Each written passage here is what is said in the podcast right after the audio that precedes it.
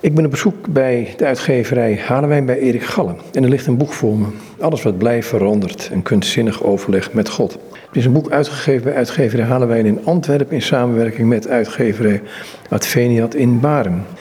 Um, ja, dat kunstzinnig overleg, Erik. Um, er zijn allerlei uh, kunstzinnige uitingen. Ik weet niet hoe ik het noemen moet, want er zitten selfies bij. Er zitten, het is digitaal heel veel werk.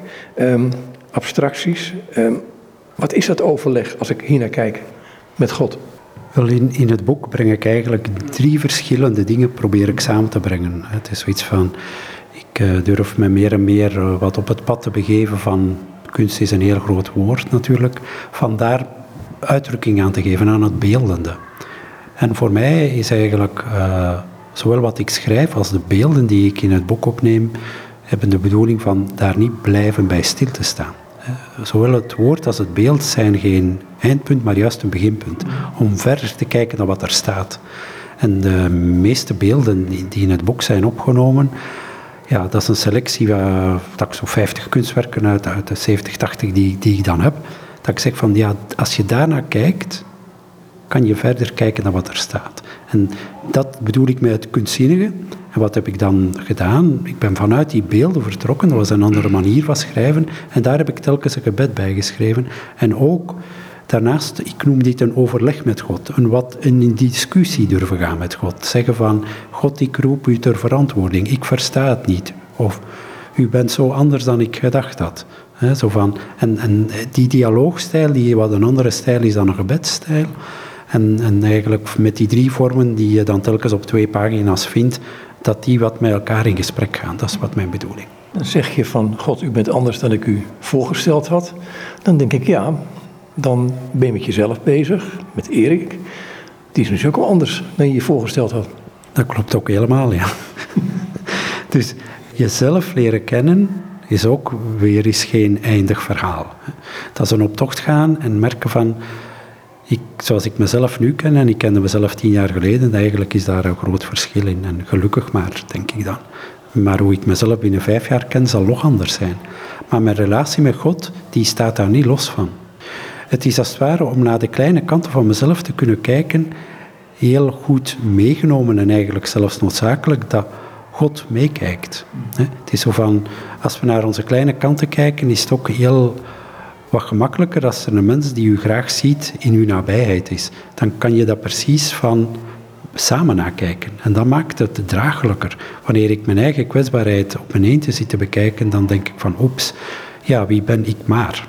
En wanneer ik daar uh, samen met God naar kijk, dan zegt God, ja Erik, kijk maar. Uh, en die maar, laat die maar vallen, je bent zoals je bent. Zit er ook iets in van, wij willen graag iets zijn, of iemand zijn? Ja, en voor mij roept dat op de voortdurende strijd die, die, die we aangaan tussen van welke plaats heeft ons ego in ons leven. En je hebt zo'n stroming die zegt, ja, je moet je ego helemaal uitgommen. En ik heb zoiets, ja, nee, een ego op zich is niet slecht. Een ego is eigenlijk wie we zijn, onze persoonlijkheid, onze individualiteit, onze eigenheid. Maar het probleem zit erin, bij het ego, is dat dit altijd op de eerste plaats wil komen. En die strijd, daar gaat het eigenlijk om. Hè. Zo van, uh, ga ik, als ik iemand wil zijn, wil ik zijn wie ik denk dat ik moet zijn? Of laat ik mij aanspreken door Gods liefde, door Gods bewogenheid? En dan leer ik andere dingen van mezelf zien. En uh, dan blijkt mijn ego eigenlijk uh, vrij bazaal, basic, gewoon met zichzelf bezig te zijn. Dan denk ik, ja nee, dat, dat is geen vervulling. Je hebt er één gedicht en één uh, overdenking aan gewijd. En dan gaat het over het feit, en ik moet hem even voorlezen. Als mensen tegen me zeggen dat ik veranderd ben, dan ben ik fier op u. Ze zeggen dat omdat u het bent die, mij, die in mij groter wordt en ik kleiner. Mijn ego moet niets van u weten. Ik denk erbij, hou er zo. Tegelijkertijd kun je zeggen van, wat je hier schrijft, van... Ik ben trots op wat u van mij gemaakt hebt. En dan ga je alweer de verkeerde kant op. Ja, als, je dat terug zou, zou vastzetten, op slot doen. Hè. Dus voor mij is zoiets van het beeld dat je hebt van jezelf en het beeld dat je hebt van God. Belangrijk daarbij is dat je dat niet op slot doet, dat dat open blijft. Open staat voor verandering. Hè. Daarom ook de titel van het boek, alles wat blijft veranderd. Het is zo, ik, ik hou er echt niet van en ik, ik, ik zie in mijn, in mijn eigen leven ook de dingen die ik op slot zet. Zo van, dat heb ik nu bereikt, zo ben ik en zo zie ik God daar ben ik mee klaar, ja, dan uh, verdwijnt het leven eruit. Het is juist zo van het moment dat we, wanneer het over liefde gaat, dan is er altijd verandering in het spel. Want anders is het eigenlijk een, uh, een hele coole beleving. Hè. De liefde zorgt dat, dat dingen in verandering zijn. En zoals je iemand kent en je leert iemand beter kennen, uh, die relatie verandert met die persoon. En je zegt, ja, die kant had ik van die persoon nog nooit gezien, ook van mezelf niet, of zo had ik God nog nooit gezien. Dus wat ik echt bedoel is van, we mogen het niet vastzetten. Zo van, nu heb ik het, voilà. En God, ik ben fier op u, wat jij, van mij, wat jij met mij al gedaan hebt. En dan stoppen we, in de verhaal. Dan is het, wordt het terug mijn bezit. Terwijl, ik zeg ook ergens zo van, God die bezit niks. En dat, dat is een bizarre uitdrukking, want zeg, ja, mag je dat wel zeggen van God dat hij niets bezit? Ja, hij bezit niets omdat hij alles wil delen, zelfs zichzelf. En, en dat is, vind ik als mens, van als we zeggen we moeten toegroeien naar gelijkenis met God, dan is het toegroeien naar dat van, niet van ik moet uh, dus helemaal perfecte kopie worden van hem. Nee, ik moet eigenlijk op, op dezelfde manier als God zeggen van ja, wie ik ben, dat is niet mijn bezit. Daar heb ik niet zomaar hocus pocus voor gezorgd. Dat is niet mijn prestatie. Integendeel, wie ik geworden ben, dat heb ik aan andere mensen te, danken. Dat heb ik aan God te danken. En dat is een dynamiek die een mens eigenlijk veel vrijer maakt. Zoiets van, anders moet ik altijd zien dat mijn ego mooi opgeblonken is wanneer ik iemand ontmoet. Nee, ik ben wie ik ben en u bent wie u bent. En we ontmoeten elkaar en in die ontmoeting veranderen we allebei een beetje. En dit is met God ook zo. Verandert God? Ja, mijn kijk op God verandert wanneer ik hem ontmoet. Ik moet hier heel erg sterk aan iets heel moderns denken. En er hangt er ook een in de muur. Dat is een selfie. Dat is ook een, een soort bevroren moment van jezelf. En dat is eng om daarbij te blijven staan. Zeker en vast, omdat je het, het, het, blijft een heel vreemd fenomeen dat dit zo populair is. Hè? Is het... Ja, Van Gogh deed het ook en Rembrandt deed het ook. Jawel, jawel. maar nog niet met een smartphone. Hè, maar, maar ik versta het. Ja, dus, dus uw, uw zelfportret, in, in moderne versie de selfie, wel, op zich is er met een selfie ook niks aan de hand. Het is pas wanneer je die selfie ook gaat opsluiten van dat is wie ik ben en hoe ik mij wil presenteren en ik laat me beter zien dan ik misschien in werkelijkheid ben, dan denk ik, oh, wat ben je daarmee aan toe met dat beeld? Een beeld is inderdaad, en, en dat woord pik ik op, is een bevriezen van een moment. Een beeld haalt iets uit de tijd eigenlijk. En, en dat is heel logisch, maar als je zegt van dat is mijn presentatie, zo ben ik, en, ik en dat vind ik het gevaarlijke, ik ga dus leven zodat ik beantwoord aan het beeld dat ik van mezelf gemaakt heb. En dan denk ik van nee, dit, je moet de rol van het beeld laten zijn wat het eigenlijk bedoeld is.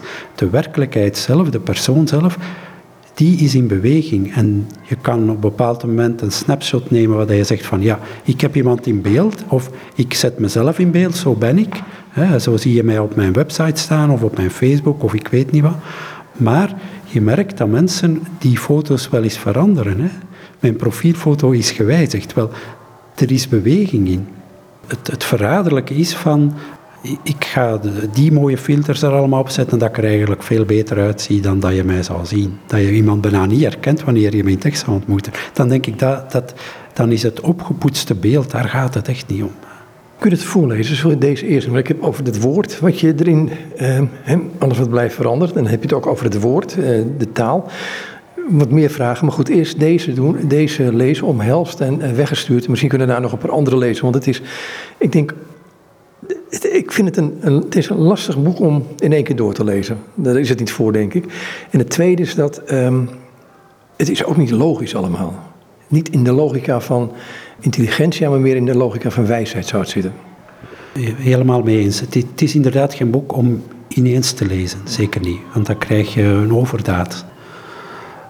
Wat ik vooral bedoeld heb, is, is van, en, als je het leest zal je merken, ik heb me opzet bepaalde taaljargon binnengebracht, bijvoorbeeld in een gebedstaal die je normaal niet zou hanteren.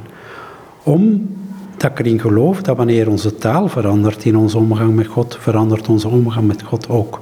En onverwachte woorden zorgen ervoor van, uh, bijvoorbeeld waar jij naar verwijst juist, van God zegt van, ik houd niet zo van selfies.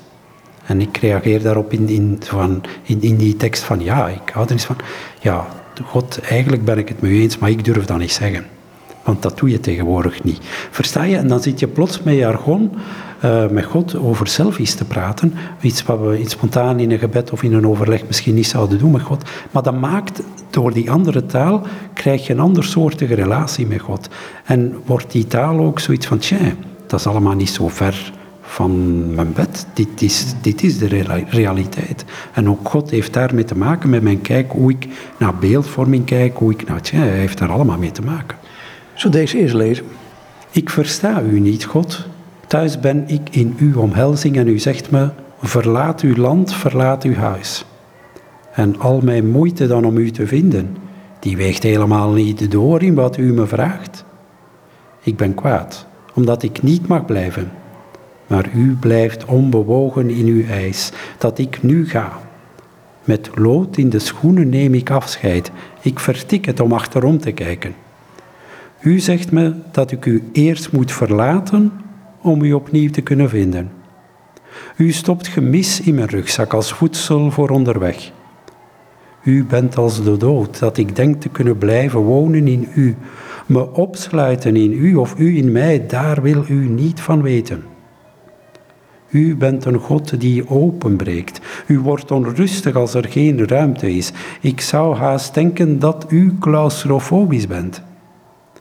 U wil dat ik een pelgrim ben, die steeds weer verder trekt omdat een verlangen in hem steeds weer oplaait. U bent mijn verlangen. Omhels me onderweg. Dus dat thuis zijn in die omhelzing is geen stationair gebeuren. Nee, het is heel mooi verwoord. Dat, dat is het juist. Zo van, uh, dat is een snapshot. Hè? Zo van de omhelzing, zoals ook die tekening. Je ziet de omhelzing en tegelijk zegt, Zeg God, ik omhels u en tegelijk zeg ik ga maar. Zoiets van, ga vanuit die omhelzing. Het is niet de bedoeling in die omhelzing uw tentje op te slaan en daar te blijven wonen. Hè. Dit is de bedoeling van, je bent nu omhelst, voel je je gezonden. En het mooie vind ik zo van, God stopt gemis in mijn rugzak voor onderweg. Zoiets van, het gemis van God, het, het, het, het hunkeren naar die omhelzing, ja, dat is eigenlijk iets dat je meedraagt wat u op weg zet en wat u ook opnieuw naar God doet uitzien. Zo wanneer ga ik hem terug kunnen omhelzen? En het sterke is ook van, God zegt, om mij te kunnen vinden moet je mij eerst achterlaten. En dat vind ik zo rond godsbeelden een heel belangrijke beweging van, we hebben een bepaald godsbeeld, en ik, ik wil daar geen oordeel over vellen, hè, in het algemeen niet, maar God zegt, wil je mij nieuw leren kennen, moet je dit wel even achter u laten. Wil ik nieuw kunnen zijn, moet, je mij, moet ik opnieuw kunnen geboren worden. En dat is het vasthouden en tegelijk loslaten om God op een andere manier te ontmoeten. En het is, het is daar met die, met die beweging dat ik... Uh, en, en, die lijn zit eigenlijk... Als je zou zeggen, is de rode draad in het boek, is het die van... Wat blijft, de relatie met God, die verandert. Zit er iets in wat ons een stuk onveiligheid kan geven. En ik bedoel in die zin, ehm, ik, ik pak iets van C.S. Lewis, die zegt van, als wij een beeld van God hebben en we hebben daar een stuk zekerheid over, dan stort het als een kaarthuis in elkaar. En dat, moet wel. Maar hebben wij die behoefte van onszelf niet om dat wel vast te houden, om daar een stuk veiligheid in te vinden? Zeker, ik vind dat eigenlijk ook qua normaal of, gezond. Uh, beelden op zich van God, daar is niks verkeerd mee. Het enige is als je druk bent daarmee het beeld sluit. Als je zegt van, zo is God, nu heb ik het. Want de tweede stap daarbij is dat je zegt, nu heb ik God in mijn binnenzak. Ik heb heel sterk het beeld van, wij denken van God, die klopt aan de buitenkant en wij willen hem binnenlaten. Wel, het wordt heel anders als je dat beeld eens omdraait. God klopt aan de binnenkant en hij wil eruit. Zo van, God wil eigenlijk ontsnappen aan het beeld waarin wij hem gevangen zetten. En, en, die dynamiek vind ik heel mooi, want dan, dan kom je plots met een God, word je met een God geconfronteerd die zegt van, haal me hieruit, uit het beeld waarin je me vastzet, laat me vrij. Hm? Zo van, het is als het ware de bevrijding van God in plaats, en die zorgt ervoor dat je als mens zegt van, zo had ik u nog nooit gezien, God. Jij bent veel groter, veel ruimer, veel uh, creatiever dan dat ik me u had voorgesteld, God. Dan, dan zit er iets, iets tegenstrijdigs in wat je zegt. Um, als ik Jezus neem als het beeld van God, denk ja, daar heeft hij zich vastgelegd in één persoon. In één persoon, maar in één persoon die ik, hoe lang ik er ook mee bezig ben, nog nooit volledig heb leren kennen. Nee, dat, dat snap ik ook wel. Ja, ja zoiets van, het, dat, voor mij is dat zo bijna de, de universele mens. In, in die zin van, het mooie in Christus is dat, dat in hemzelf die beweging zit. Hij is het beeld van de onzichtbare God. Dus de onzichtbare God ga ik niet zien. Maar als ik Christus zie, zie ik hem wel. En het is juist die beweging tussen het beeld, tussen Christus en de Vader, die weg op en neer gaan, daar stimuleert Christus me juist toe. Zo van, om die beweging te maken, om ook niet te gaan zeggen van, nu weet ik wie God is, want ik weet wie Christus is, dus voilà, hier zijn we weer. We weten het weer. Ik heb zoiets, ik weet het, en wat ik weet is genoeg om op weg te gaan naar wat ik niet weet, en naar de Vader die verborgen blijft. Met het gebed wat je net voorlas, heb je ook een soort commentaar geschreven op je eigen gebed. Dus uh, een wonderlijk gebeuren, denk ik dan? Het is een wonderlijk gebeuren, maar het, is eigenlijk het zoeken naar welke andere stijl. Hè? Zo van, ik wil met God even uh, in discussie gaan. Ik versta u niet, God, ik ben eindelijk bij u en u stuurt me meteen weer verder. Alles is volgens u tweezijdig. Nabijheid en afstand horen samen. Het is u om de beweging tussen beide te doen. U houdt van verandering, noem het maar verdieping. Bij u komen en u verlaten om naar u terug te keren, dat doe ik steeds opnieuw. Het gevolg hiervan is dat de weg tussen ons vertrouwd terrein geworden is voor mij. U stuurt me niet weg. U zendt mij. U overlaat me met uzelf. Ik heb het gevoel dat ik telkens iets van u meeneem en een stukje van mijn zelfbetrokkenheid bij u achterlaat. De vertrouwdheid die tussen ons groeit is een geschenk dat ik niet uitgezegd krijg. Telkens weer als ik bij u aankom, moet ik het beeld dat ik van u heb afleggen. Het is of ik mijn jas moet afgeven. Eigenlijk moet ik datgene prijsgeven waarmee ik u bekleed. U wilt dat ik de werkelijkheid ontmoet die u bent. Een beeld is tweedehands. De realiteit komt eerst. Ik schrik telkens weer van u. Waarom maak ik u altijd kleiner? Ik herleid u altijd weer tot een cliché. En dat is het laatste wat van u gezegd kan worden. Als mensen me zeggen dat ik veranderd ben, dan ben ik fier op u. Ze zeggen dat omdat u het bent die in mij groter wordt en ik kleiner. Mijn ego moet niets van u weten. Ik denk daarbij, houden zo. Het laatste stukje, dat blijf ik ontzettend apart vinden. Als je dit zo leest, dan denk ik ook, dan heb ik ook de gedachte van dit is taal wat je hier gebruikt. Dit heb je neergeschreven. Als je het nu, want zo'n boek is een voorbereiding, dit heb je een tijd geleden geschreven. Als je het nu zo leest, is het dan al, ook alweer veranderd in jouzelf? Wat er als basis in staat, is in mijn overtuiging nog gegroeid. Zoiets van, ik ben er nog meer van overtuigd van, van, uh, van plaatsruimen voor God, van uh, uh, onderweg moeten gaan, niet aankomen in Hem. Dat zijn zo precies basislijnen die zich bij het schrijven hebben uitgetekend, maar die nu nog meer beland zijn in mijn visie, mijn werkelijkheid. En dat is wat het, het bizarre van, van, van het schrijven is, dat je iets schrijft vanuit de beleving, maar door het te schrijven verdiept de beleving ervan nog. En dat, dat vind ik heel mooi. Als ik die tekst nu lees, voel ik aan van ja, zo, dat, uh, dat resoneert met hoe ik uh, wel in het leven terecht te staan. Zijn woorden dan, op dat moment, je zegt het gaat over mijn beleving, die probeer ik in woorden weer te geven. Zijn die woorden dan voldoende verpakking of haalt het het nooit? Woorden zijn voor mij, of mijn bedoeling van woorden is van dat het echt uh, doorkijkvensters zijn. Mm -hmm. zoiets van, ik merk zelfs als ik het nu lees, dat het opzet om mensen eh, te raken, zit er juist in om ongewone taal mee op te nemen, waardoor je even stilstaat van, tja, dat heb ik, die woordcombinatie heb ik in een overleg met God of in een gebed met God, ben ik nog niet tegengekomen. En dat maakt, het heel vreemd is, de stilstand zorgt ervoor dat je verdiept. Dat werkt voor mezelf zo, ik, ik noem dat uh, hier dan die, commentaar weggestuurd, om, omdat je het gedacht hebt van God stuur me weg. Nee, nee, staat er in de tekst, hij stuurt u nu weg, hij zendt u. Het is vanuit hem dat je vertrekt om hem terug te vinden. En, en dat, is het, dat is het sterke eigenlijk. En je gebruikt een stukje, en dat ben ik aan het zoeken, um, en dan gaat het over een taalknobbel. Uh, en dat vind ik een hele mooie, want je hoeft geen taalknobbel te hebben om met God in contact te komen. Ik heb ooit een ander boekje aan het lezen ben dit gehoord. Um, Je kunt als een, een zwerver voor een rechter staan en je kon niet uit je woorden komen. En die rechter kan allerlei mooie opmerkingen maken. Voor God gaat het om meer dan dat. Om het wezen wat er aanwezig is. En dat kunnen wij vaak moeilijk pakken, omdat we toch die taal, in die taal blijven steken dan. Ja, wij hebben ook niet anders dan taal. Dus dat is... Nou ja, je maakt ook abstracties. En dat vind ik ook een manier van uiten natuurlijk. Ja, je maakt abstracties, maar uiteindelijk ga je... Stel dat je een abstract schilderij ziet hè, en je kijkt ernaar, in jezelf gaan bepaalde ideeën, woorden, beelden opkomen. Dus, dus abstractie kunnen wij, wij zijn nooit helemaal lege ruimte. Taal eh, fungeert als een manier om contact te leggen met wat we zien. Als je een kunstwerk ziet en er staat bij geen titel, wel, wat doen wij? Wij geven er zelf een titel aan. Dus omdat dit resoneert met hoe wij dat zien. Dus taal is, is voor mij altijd een, ontmoetingsplek met de werkelijkheid.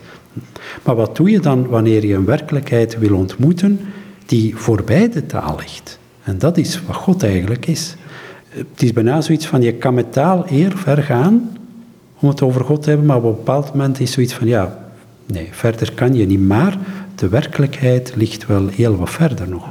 Maar is het dan wel wezenlijk om die zoektocht aan te gaan? Ook dat, dat proberen het in taal weer te geven, dat aan te gaan. Want je kan ook heel makkelijk meteen naar het punt gaan van ja, het is niet in taal te beleven, dus uh, vergeet het maar. Ik, ik zeg het heel negatief nu. Nee, nee. Maar ik zwijg er dus maar over, over God, ja, want we kunnen hem eigenlijk toch niet verwoorden. Uh, wat voor mij daarin ontbreekt in die gedachtegang is de beweging naar God. Want taal is een opstap naar God. Zo van, je hebt al taal nodig eigenlijk om te zeggen dat de taal onvoldoende is. Daarvoor gebruik je al woorden. En het mooie is van dat je weet van, uh, ik, ik, gebruik twintig woorden om het over God te hebben. En uh, van dan af zeg ik, en nu zet ik het raam open, want verder gaat mijn taal niet, maar eigenlijk, God ligt nog een heel eind hier vandaan. Ik was onlangs een weekend aan het geven en, en waren een twintigtal mensen en ik, had zoiets van, ik moest iedereen nu op, op papier schrijven wie God is. En ik zou die papieren verzamelen en ik zou die dan voorlezen. Dan zou je twee dingen kunnen doen van juist, niet juist. Ik denk, ja, dat zou wel heel pretentieus zijn. Maar je zou ook wat andere kunnen doen, is van je leest die bladen van die twintig mensen voor en je zegt van, ja, nu hebben we enkele fragmenten gehoord van wie God is. Maar, zelfs al waren we hier met 50.000 mensen, we hadden het nog niet beet. En dat vind ik het mooie van. Je komt dichter, terwijl je weet, ik ga hem nooit bereiken. Maar je bent wel in die beweging naar hem. En het mooie bij God is van, hij komt u in die beweging al tegemoet. Hij zit daar niet op 20 kilometer te wachten tot Erik wat dichterbij gekomen is. Hij zegt, ja maar nee, je moet niet al afstand alleen afleggen, ik kom wel tot in de helft. En dat, dat maakt het mooi ik moet toch denken aan Augustinus, van hij is dichter bij mij, hij kent mij beter, hij is dichter bij mij dat ik mezelf ken of bij mezelf. Ik moet ook denken aan de drie eenheid als een beweging. de een die voortdurend in, in beweging naar de ander is en dat we daarin opgenomen worden. Ik vind het een enorme verrijking om dat te denken, om überhaupt te kunnen denken. Ja, het is dat. En, en, je kan zeggen van, dit is ook taal om iets te beschrijven, maar het is taal die u meetrekt in een beweging die er is. Hm?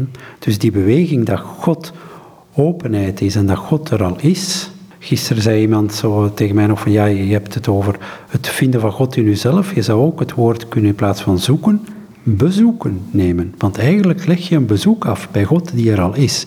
En, en het gaat over die dynamiek, zoiets van uh, de ontdekking. Als ik in mijn leven de ontdekking van God is eigenlijk niet van ja, ik heb erover gelezen, ik, ik heb dit, ik heb dat, ik heb theologie gestudeerd. Nee, de ontdekking in mijn leven van God is het bewustzijn van, hij is er en hij was er al al die tijd. En uh, ik uh, moet niet zitten zeggen van, God, kom, kom, alleen God, waar zijt je? Ik zou zeggen, ja, uh, God, sorry dat ik u zo roep, want u was er al de hele tijd, maar ik was niet bij u. Ik zat u, ik weet niet waar te zoeken, maar u was al zo lang aan het wachten. Ja, is dat niet het enorme dilemma van het leven bij het oude worden? Ja, tegelijk merk ik van, eh, voor mezelf heb ik daar nog een enige mildheid in de zin van, van ja, de andere dingen hebben er ook toe bijgedragen dat, de wegen die ik verkend heb, uh, als het soms doodlopende straatjes waren, hebben mij ook geleerd van nee, daar moet ik het niet zoeken. Ik moet durven uh, gaan in een ruimte die mij ook wel wat angst aanjaagt, in de zin van ja, dit is onbekend terrein.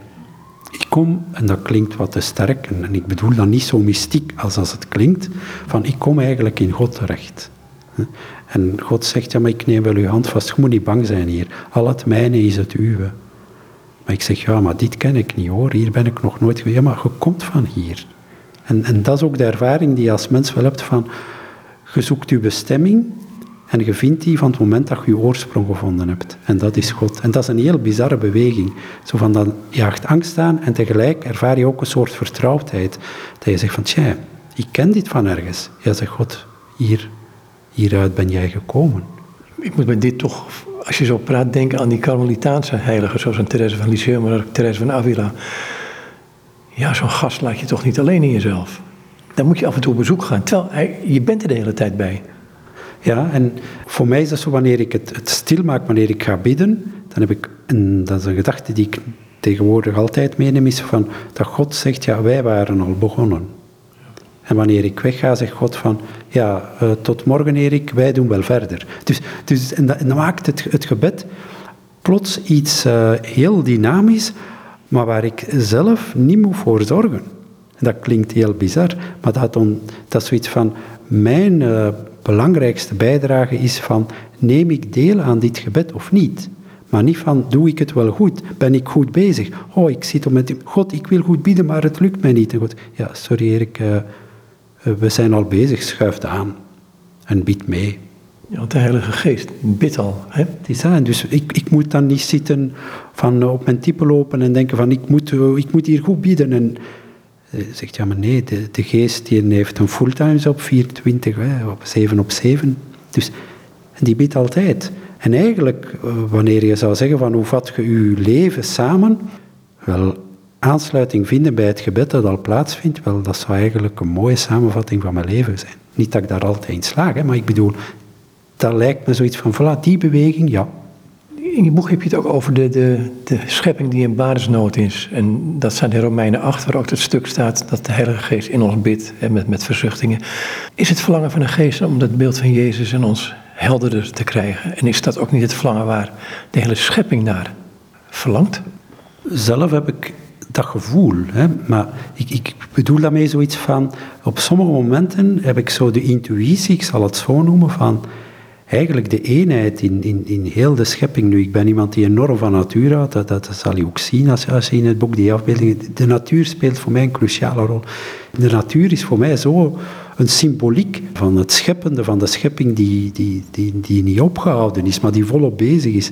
En voor mij heeft dat dan wel iets van, ja, die hele schepping heeft eigenlijk een richting. En, en als je het dan zo verwoordt, die richting is van, ja, de eenheid in God, waar ze vandaan komt, daarnaar terugkeren. En, en dat vind ik een, dat is zoiets wat ik als intuïtie voel, maar wat ik merk, ik heb daar nog niet genoeg woorden voor. Maar ik kan het bij momenten heel sterk ervaren wel. Van hoe, hoe die dynamiek in, in heel de natuur aanwezig is. En, en voor mij heeft de natuur ook zoiets van, ja, dat, het, het leven, het leven dat overwint, het, het leven dat, dat uit het niets terug tevoorschijn komt, dat, dat zijn zo bijna oersymbolieken over leven en dood, en dus uiteindelijk ook over dood en verrijzenis, die, die daarin eigenlijk opgeborgen zitten en die, waar ik op sommige momenten uh, als het ware contact mee maak en waar ik denk van, tja, dit opent mij als mens. Ook, dit is bijna een soort remedie ook tegen, het, uh, tegen de selfie of de individualisering, hè, het dan negatief is. van, ik sta in verbondenheid ook met, oh, als, ik, als ik in de natuur rondwandel, niet dat ik uh, verzink in ik weet niet wat voor esoterisch gevoel, nee. Maar je gaat niet met bomen gaan praten. Nog niet, nee. nee. Maar ik, ik heb wel het gevoel van, van een soort ja, verbondenheid. Hè? Zoiets van, tja, uh, wij hebben het over de natuur. En eigenlijk die afstand die verbaast mij altijd, omdat we maken er zelf deel van uit. En dus eigenlijk is de, de verbondenheid met de natuur de basis. En ik heb daar nog niet altijd de juiste woorden voor. Een stukje lezen over niet uit te spreken? Want die excurs, voor aan deze excurs begonnen, waren we daarmee bezig. Dat u onuitsprekelijk bent, zegt alles over u. Woorden wijzen in uw richting, maar blijken niet bestand tegen het licht dat van u uitgaat. Al mijn spreken is niet meer dan trampolinespringen. Zo gemakkelijk vallen mijn woorden aan de zwaartekrachtenprooi. Hoe anders is het als u spreekt? Uw woorden toveren licht en kleur, als regen dalen ze neer op de barre grond die ik ben. Ik voel hoe ze trachten wortel te schieten in mij. Ik laat het gebeuren, benieuwd als ik ben naar de vrucht van de wisselwerking tussen uw woord en wie ik ben. U wortelt zich in mij zo wijd verspreid als de aders in mijn hele lichaam. Dat u zich met zulke trefzekerheid een weg naar binnen graaft, zegt me dat u de eindbestemming kent. U wilt mijn hart bereiken om de wortels te drenken in uw eeuwige bron in mij. Proeft er ook iets in, maar geef er maar commentaar op ehm, wat in Hebreeën staat, de eerste, of de, het eerste hoofdstuk. Dat hij de schepping onderhoudt en zonder dat onderhoud zal er geen schepping meer zijn. Ja, het is de geest die leeft. Hè? Dus, dus het, het is dat wat ik hier juist eh, ook bedoel als je de natuur, de, hele schepping, als je dat ziet van de verborgen aanwezigheid van God, dat is in de harten van mensen, in mijn eigen hart, maar ook in heel de schepping. Zo, ik, zet het ook ergens in, een van de teksten van, uh, ik moet het met uw schepping doen, een rechtstreekser beeld heb ik niet. Hè? Dus het, de schepping verbergt de, aanwezigheid en tegelijk is er die aanwezigheid in de schepping. Maar de, rechtstreekse blik met God, eh, dat, ik moet het, om het heel vreemd te zeggen, voorlopig nog met de schepping doen. Maar, maar ik ben zeker dat hij daarachter erin zit. Maar het rechtstreeks, zo van in die, die tekst ook, zo van, de woorden kunnen uw licht niet verdragen. Zoiets van, woorden zijn heel belangrijk en tegelijk kunnen ze zijn licht, ze kunnen er niet aan weerstaan. Ze, ze verschrompelen als zij zijn volle licht. En de schepping is het voor mij ook zoiets van een soort uh, wal die nog tussen mij staat en God, omdat ik de rechtstreeks uh, zicht met God, dat, dat, dat ik dit niet aan kan. Is dat wat wij als mensen in onze arrogantie wel eens vergeten? Jawel, van het moment, hè, mij doet het denken van, hè, als God zegt van, ja, je mag namen geven aan alles in de schepping, dat een mens op een bepaald moment vergeet van, ja, ik geef namen aan iets dat er is, in, en dat wordt voor de mens van, ik maak door het geven van namen wat er is. Dus, dus die overgang tussen van, de werkelijkheid is er en die is voorgegeven en dat is een cadeau, zo van, eigenlijk ben ik de ontwerper. En dan neemt je de plaats van God in. En, en ja, dan, dan, dan, ja, dan wordt de schepping, ik noem dat wel eens oneindig eindig. En dan krijg je allemaal demonstraties en ik weet niet wat. Ja, zoiets van ja, uh, je moet je ego dan ook wel enorm sterk profileren als je denkt van God te zijn. Ik bedoel, ja, want kijk allemaal naar mij, want ik weet hoe het in elkaar zit. Een commentaar wat je erbij geeft. U ontsnapt uit de taal. Een teken dat u er geen gevangene van bent. Ik bevind me veel hier in die rol. Ik dreig kopje onder te gaan als u me zegt dat ik elk woord achter me moet laten. Nee, zegt u, ook die woorden, geef ze maar aan mij. Woorden die ik achter mijn rug tracht te verbergen, daar kom ik niet mee weg. Het is of u door me heen kijkt en ze opmerkt. Als ik de tussenruimte tussen ons zonder woorden laat, voel ik me naakt maar mijn zwijgen tovert u tevoorschijn. Hier wordt alleen kwaliteit geleverd. Hoe minder ik spreek, hoe meer ik één word met u. Het is of ik plots op de eerste rij kom te staan. Zo dicht was ik nog nooit. Of beter gezegd, zo dicht liet ik u nooit komen. Woorden werken als een trechter. Op een bepaald moment klitten ze samen. Ze vormen een wegversperring waar ik nog u doorheen kan. Als ik aan u denk, dan lijken woorden een glas om uit te drinken en bent u de oceaan. Alles wat ik in woorden uitgezegd krijg is zo verwaarloosbaar weinig. Ik leer dat woorden niet bedoeld zijn om u uit te drukken. Ze fungeren veel als een reddingsboei die me behoedt te verdrinken in u. Het mooiste gebeurt er als u tegen me spreekt. Uw woorden zorgen ervoor dat ik over het water naar u toe kan komen. Ze bieden stevigheid en gaan recht naar mijn hart alsof ze de weg kennen naar huis. De stilte die valt nadat u gesproken hebt is heilig. Ze zwijgt anders over u dan tevoren. Jij zegt de stilte die uh, gevallen is nadat u gesproken heeft. Spreekt hij dan? Ja, in de stilte spreekt God. En dat is heel moeilijk omdat wij zijn gewoon van woord wederwoord. Uh, iemand zien en ermee praten. Uh, je ziet reactie aan iemand.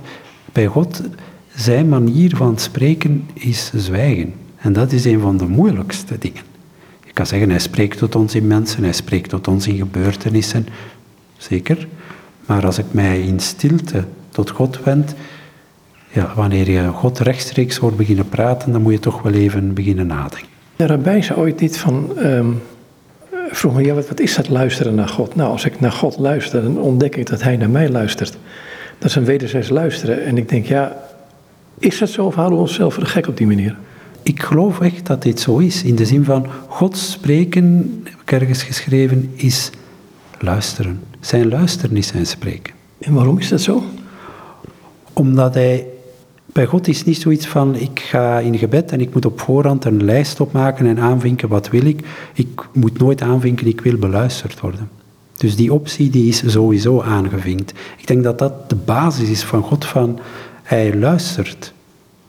En door dat te luisteren, dat zo intens is en zo betrokken is, val ik stil en ga ik ook beginnen luisteren. En eigenlijk is dat de dynamiek waar het om gaat. En waarom is stilte dan zo belangrijk? Stilte is zo belangrijk omdat stilte voorbij de taal ligt. Dus als ik met God praat, dan zijn er woorden, maar er zijn ook momenten dat ik zeg, ja, hier ga ik voorbij de woorden, dus ik zwijg. En jij luistert naar mij, ik luister naar u. En in de stilte zijn we ook samen. Ja, dan ben je samen, maar in hoeverre komt de een dan de ander binnen? Ik heb het gevoel dat uh, Gods zwijgen en Gods stilte, dat hij daarin zich op een onvoorstelbare, voor ons onvoorstelbare manier afstemt op ons hart. Zoals waar dat hij aan knopjes zou zitten draaien, als ik het me menselijk voorstel. Van hoe stem ik mij volledig af op, op het hart van deze mens die zich tot mij richt. En stilte is de taal die God spreekt. En dat klinkt abstract, ik weet het. En tegelijk merk ik, doordat ik in mijn leven elke dag een uur stille tijd inbouw, wel door die stille tijd is mijn relatie met God veel gegroeid. Omdat stilte corrigeert ook mijn ego, dat altijd wil vooraan en het wil zeggen en wil denken en ik ben hier en zeg van nee, ik luister naar de stilte en dat zichzelf is het zwijgen opleggen, maakt dat er ruimte. En als Gods taal de stilte is, wel als ik mij dan als het ware inlog in die stilte, ja, dan is er die verbondenheid. Dan is er die wederkerigheid. Dan komt God door de stilte in mij binnen. Dan, dan zeg je op een gegeven moment in het boekje, het lijkt erop of u, God, een stuk van uzelf hebt achtergelaten in mij. Door het boek heen is er voortdurend die interactie met God. En, en, en die relatie, uh, het is juist het opzet om die niet uh, op te sluiten. In van, zo moet je het beleven, zo is God, zo doe je dat best. Nee, ga in die interactie staan en dan gaat God zich laten kennen aan jou en jij gaat daardoor ook jezelf beter leren kennen en een andere positie innemen. En als je zegt van God, hij laat een stuk van zichzelf in mij achter, voor mij, als ik dat schrijf, roept dat op van God kan dat maar doen wanneer ik een stuk ruimte voor hem maak. Ja, want je schrijft, die zin erna, die erna komt is van, ik heb dat nog niet zo lang geleden ontdekt. Nou loop je ook al tegen de 60, denk ik. Dus dat duurt even. Ja, dat duurt zeker lang. En het, het bizarre is van, ik heb het gevoel dat God iemand is die ruimte zoekt om er te mogen zijn. En die tegelijk die ruimte niet wil inpalmen, tenzij wij zeggen, kom hier maar op die ruimte. En het krachtige daarvan vind ik van elke ruimte die ik aan God geef in mijn leven, hij zegt, ja, hier wacht ik op, ik ben hier. En dan denk ik, nu heb ik mij aan God gegeven. En dan een half jaar daarna ontdek ik, ja, maar deze ruimte, die was nog privé, daar mocht hij nog niet komen. God, ik zet die deur open, hier mag jij ook komen. Maar dat is een voortschrijdend proces. zo van, als ik uh, denk hoe ik, uh, zeg maar iets 10, 15 jaar geleden uh, zei van God, ik geef me helemaal aan u. Dat helemaal was belangen niet helemaal. Je bent, je bent ook priester, dus je hebt ooit die belofte gedaan. Ik weet het, ik weet het. Maar ik besef hoe dat helemaal ook helemaal veranderd is. Dus, dus zo van, dat dat ook een proces is. Zo van, uh, het is niet omdat je zegt, ik, en de, de, ik geloof, de overtuiging is van het moment dat je ja-woord uitspreekt, dat je helemaal geeft zoals je dat op dat moment ook ziet. Maar dat helemaal is ondertussen wel dat ik gedacht heb van ja, er waren nog heel wat dingen die, die ik aan u God niet gegeven heb. En daar ben ik nu mee bezig, maar ik weet dat ik daar nog niet ben. Was het dan binnen de beperkingen van dat moment? Ik denk dat dat altijd wat is, ja. En is dat erg? Ik weet dat niet. Ik bedoel, een mens kan op dat moment maar zoveel geven als hij weet dat, dat, hij kan. Allee, zoiets van, je kunt ook niet, want vele dingen in mijn leven was ik me nog niet bewust van. Dus ik kon ze ook nog niet met God delen, zoiets. Ja, maar het, geeft mij ook iets in de richting van, ehm, eh, als je dit beseft dat het zo werkt, uh, dan maakt ook dat je houding de andere anders kan zijn. Want ook daar weet je niet hè, wat, wat de beperking van het moment was. Nee, zeker. De beperkingen van het moment zijn, zijn uh, ja, wat, wat, wat, iemand op dat moment ziet, wat iemand op dat moment ervaart, hoe ver iemand, het is niet van iemand staat verder, niet verder, dat bedoel ik eigenlijk niet, maar we staan op de plek waar we op dat moment staan. En uh, een andere mens staat ook op de plek waar die op dat moment staat. En uh, ja, ieder gaat zijn, zijn weg daarin. Hè. En, en, bij de ene mens zit daar een grotere filter voor dan bij de andere nu. Het is nu eenmaal zo. Achter de schermen heb je geschreven. Ja. U nodigt me uit in uw werkplaats. Alles is er in wording, niets is voltooid. Ik had u anders ingeschat. Het lijkt of u met de duizend zaken tegelijk bezig bent. Als ik u vraag waarom u niets voltooit, dan glimlacht u. De schepping is niet af, zegt u, ze is nog volop bezig. U zet de toon. U geeft de mogelijkheden opdat alles kan worden zoals u het heeft bedoeld. Zo ook wat mij betreft. U hebt mij gemaakt naar uw beeld. Wil ik op u gelijken, dan moet ik daar werk van maken. Een plan daartoe hebt u opgeborgen in mijn hart. Als ik mensen bezig zie die zichzelf op hun eentje willen realiseren, dan weet ik dat ze uw ontwerp nooit hebben bekeken. Uw bedoeling is dat ik mens word door een ander. Zoals een muur zichzelf niet kan schilderen, zo kan ik mezelf niet ontplooien. De onmogelijkheid mezelf genoeg te zijn, is uw zegen, die ik bij momenten vervloek. Ja, dat is een heel modern, of een antimodern zinnetje. Dat, uh, zo kan ik mezelf niet ontplooien, want het is natuurlijk het uitdaging van deze tijd.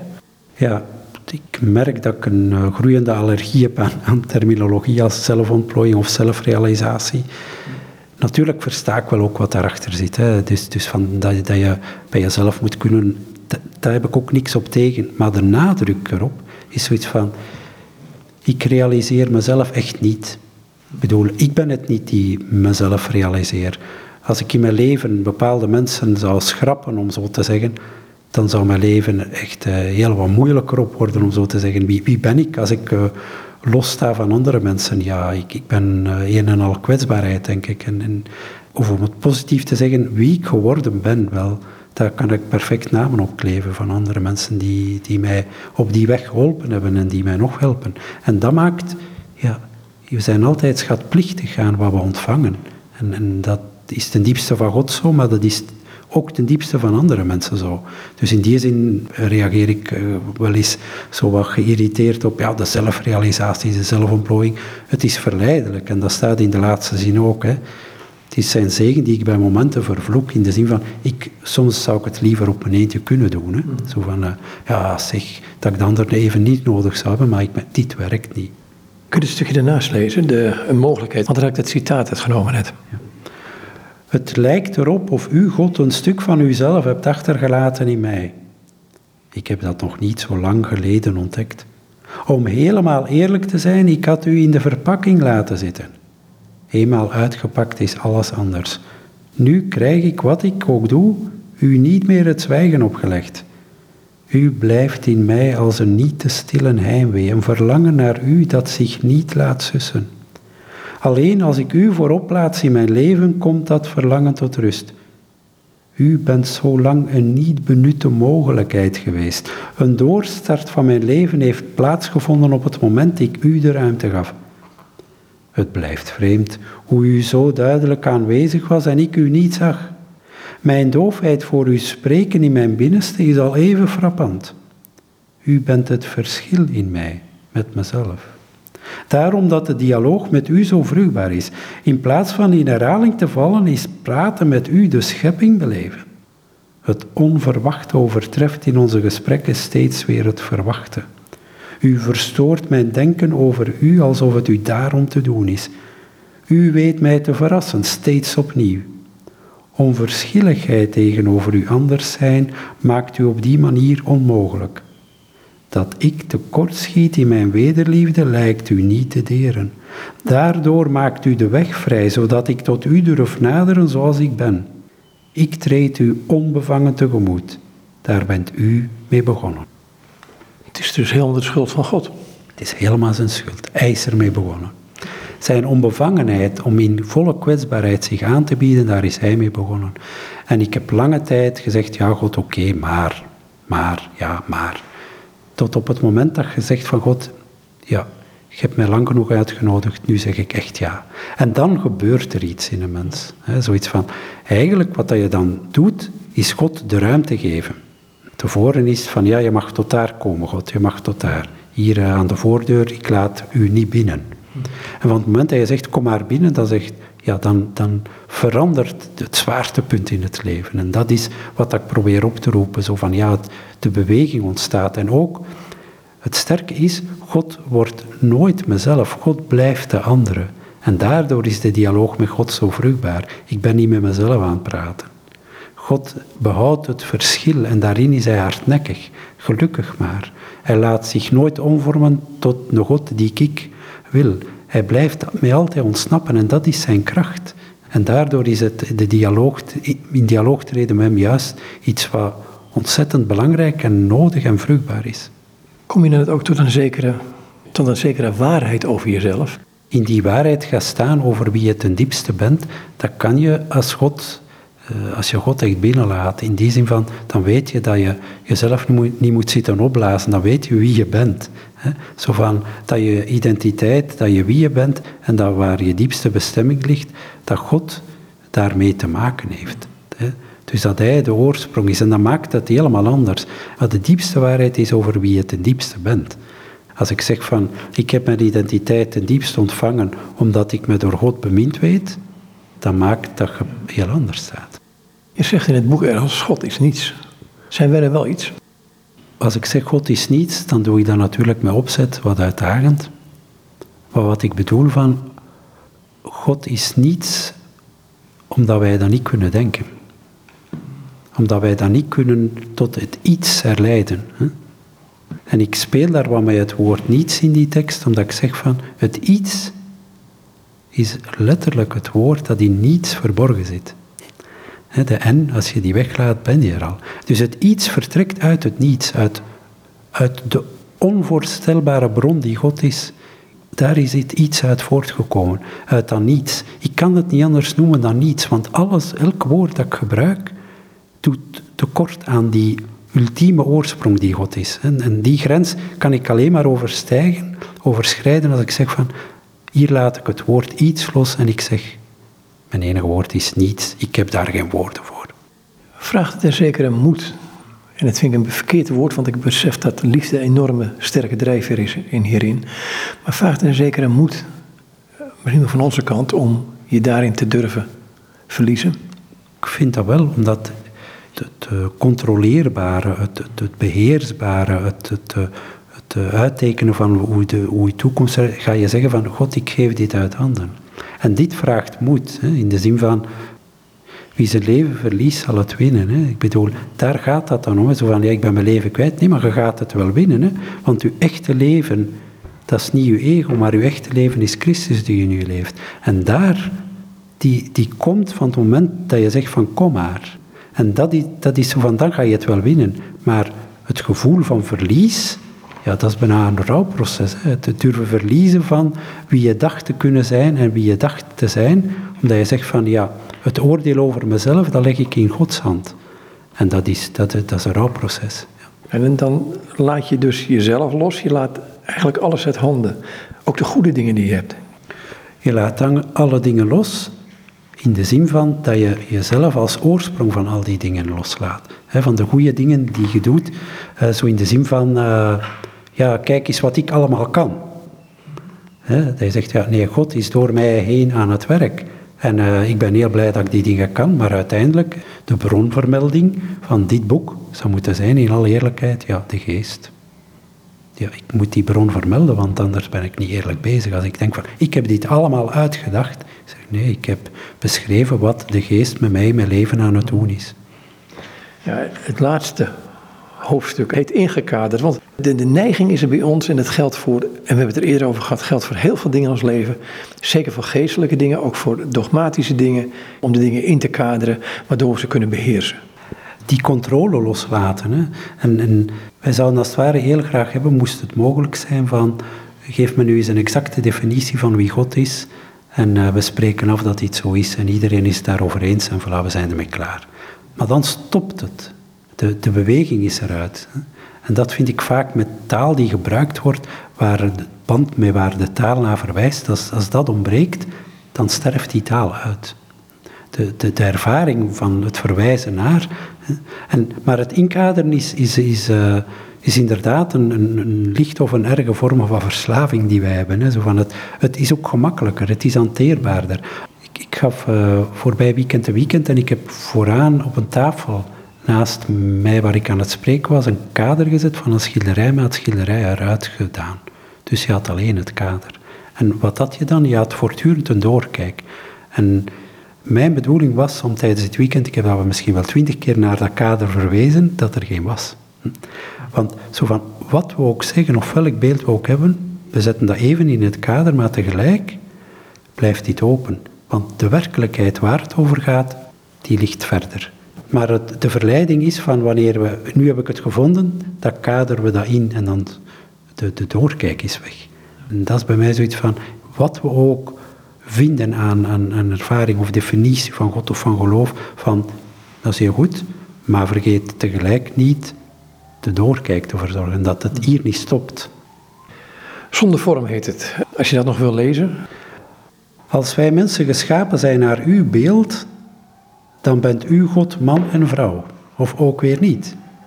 U bent meer dan deze opdeling, uit u komt alle leven voort. Elke vorm is te klein voor u. Uw mateloosheid valt onmogelijk te vatten, niet in mijn lijf, niet in mijn hart, noch in mijn verstand. U gulpt over de rand die ik ben, de afgrond bent u waarvoor ik sta, en die ik soms bij vergissing vrees zelf te zijn. U bent geen vangnet, Nee, daar past u voor. U kijkt niet eens meer op als ik u wil gebruiken. U wil niet nuttig zijn. Nutteloosheid is een synoniem van liefde, is uw baseline. Dat heb ik al ervaren. Zowel uw nutteloosheid als uw liefde. Uw vormeloosheid is een kans, ik mag ze niet missen. Tijdelijkheid en lijfelijkheid horen samen. U bent eeuwig. En ik denk dan toch aan Jezus Christus. Gek hè? Jawel. Ja, tijdelijkheid en lijfelijkheid. Om het vreemd te zeggen, Christus is in het lijf ook niet opgesloten gebleven. Dus, dus de eeuwigheid is juist eh, de verrijzenis, verwijst naar de eeuwigheid voor mij. Maar tegelijk is die lijfelijkheid ook cruciaal voor ons in ons geloof. Waardoor God zo dichtgekomen is dat hij in, ons, in onze lijfelijkheid uh, ons tegemoet getreden is. Ingekaderd mag je ook nog doen. Um, wij zijn er meesters in om met ons denken de werkelijkheid in te kaderen. Ja, daar zijn we sterren in. Dat, dat, dat in de kerk, buiten de kerk, waar ik ook me vind, overal een mening over hebben. Dus, dus in wezen heel alles verstenigen eigenlijk. Ja, het is, het is of we geneigd zijn om pas gerust te zijn wanneer we dat vast hebben. Maar we vergeten dat we daardoor de beweging en de kansen die er liggen in ontmoetingen ook wel vastzetten. Hè. We, we, komen op voor wie we zijn, onze mening en dit en dat. Maar uit de interactie ontstaat wel eens een andere mening en dat is eigenlijk heel goed. We zijn er meesters in om met ons denken de werkelijkheid in te kaderen. We lijken wel verslaafd aan kaders. We verlangen naar duidelijkheid, willen een goed overzicht behouden en vooral het gevoel hebben dat alles onder controle is dat ingekaderd netjes staat, klopt bij een foto. Maar als we de werkelijkheid helemaal in denkkaders trachten op te delen, dan doen we iets dat even onmogelijk is als tandpasta terug in een tube duwen. De werkelijkheid is zoveel groter dan de kaders die wij hanteren. Vreemd genoeg lijkt ons dat niet te storen. Eigenlijk gedraag ik me ook zo naar u, God. Ik tracht u binnen een kader te doen passen en ben er bij momenten zelfs fier over hoe me dat lukt. Wanneer ik eerlijk ben en op een paar meter afstand naar mijn constructie van u kijk, dan besef ik dat het meeste van u zich niet in mijn denkkader over u bevindt, maar er helemaal buiten valt. U past nooit in de vormen die ik hanteer. U laat zich niet vormen naar een beeld. De reden daarvan is niet dat u veel groter bent en er pasproblemen zouden ontstaan.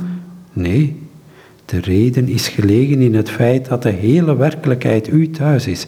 Elke vorm die ik zie is een tipje van de sluier die wordt opgelicht en laat iets zien van u. Zo gaat het met de natuur, zo is het met de mens. De hele werkelijkheid spreekt zonder woorden van u. Ze is in al haar omvattendheid uw kader. U zelf bent de vorm voorbij. Dan denk ik, daar past bescheidenheid. Ja, ja zo van hier uh, val ik zonder woorden. De woordeloosheid is, is de, de aanschouwing. Zo van hier, hier kijk ik en, en word ik, uh, kom ik onder de indruk van wie God is. Ik wou het hierbij laten, dankjewel. Graag gedaan. En dit zei Erik Galle. En met hem sprak ik over het door hem geschreven boek Alles wat blijft verandert. Een kunstzinnig overleg met God. Goed, alles wat blijft veranderen, dat, zelfs, dat geldt zelfs voor dit gesprek. Want als we op dit gesprek terugkijken over een paar dagen, of misschien al over een uur, dan denken we ja, het had anders gekund, toch? Ja, zeker. En dat is ook het mooie. De interactie zorgt ervoor dat het een bepaalde richting gaat. Goed, nogmaals, dit was Erik Galle. En met hem was ik in gesprek over het boek Alles wat blijft veranderd. Een kunstzinnig overleg met God. Door hem geschreven. Het boek is uitgegeven bij uitgeverij Halenwijn in Antwerpen... in samenwerking met uitgeverij Adveniat in Baren.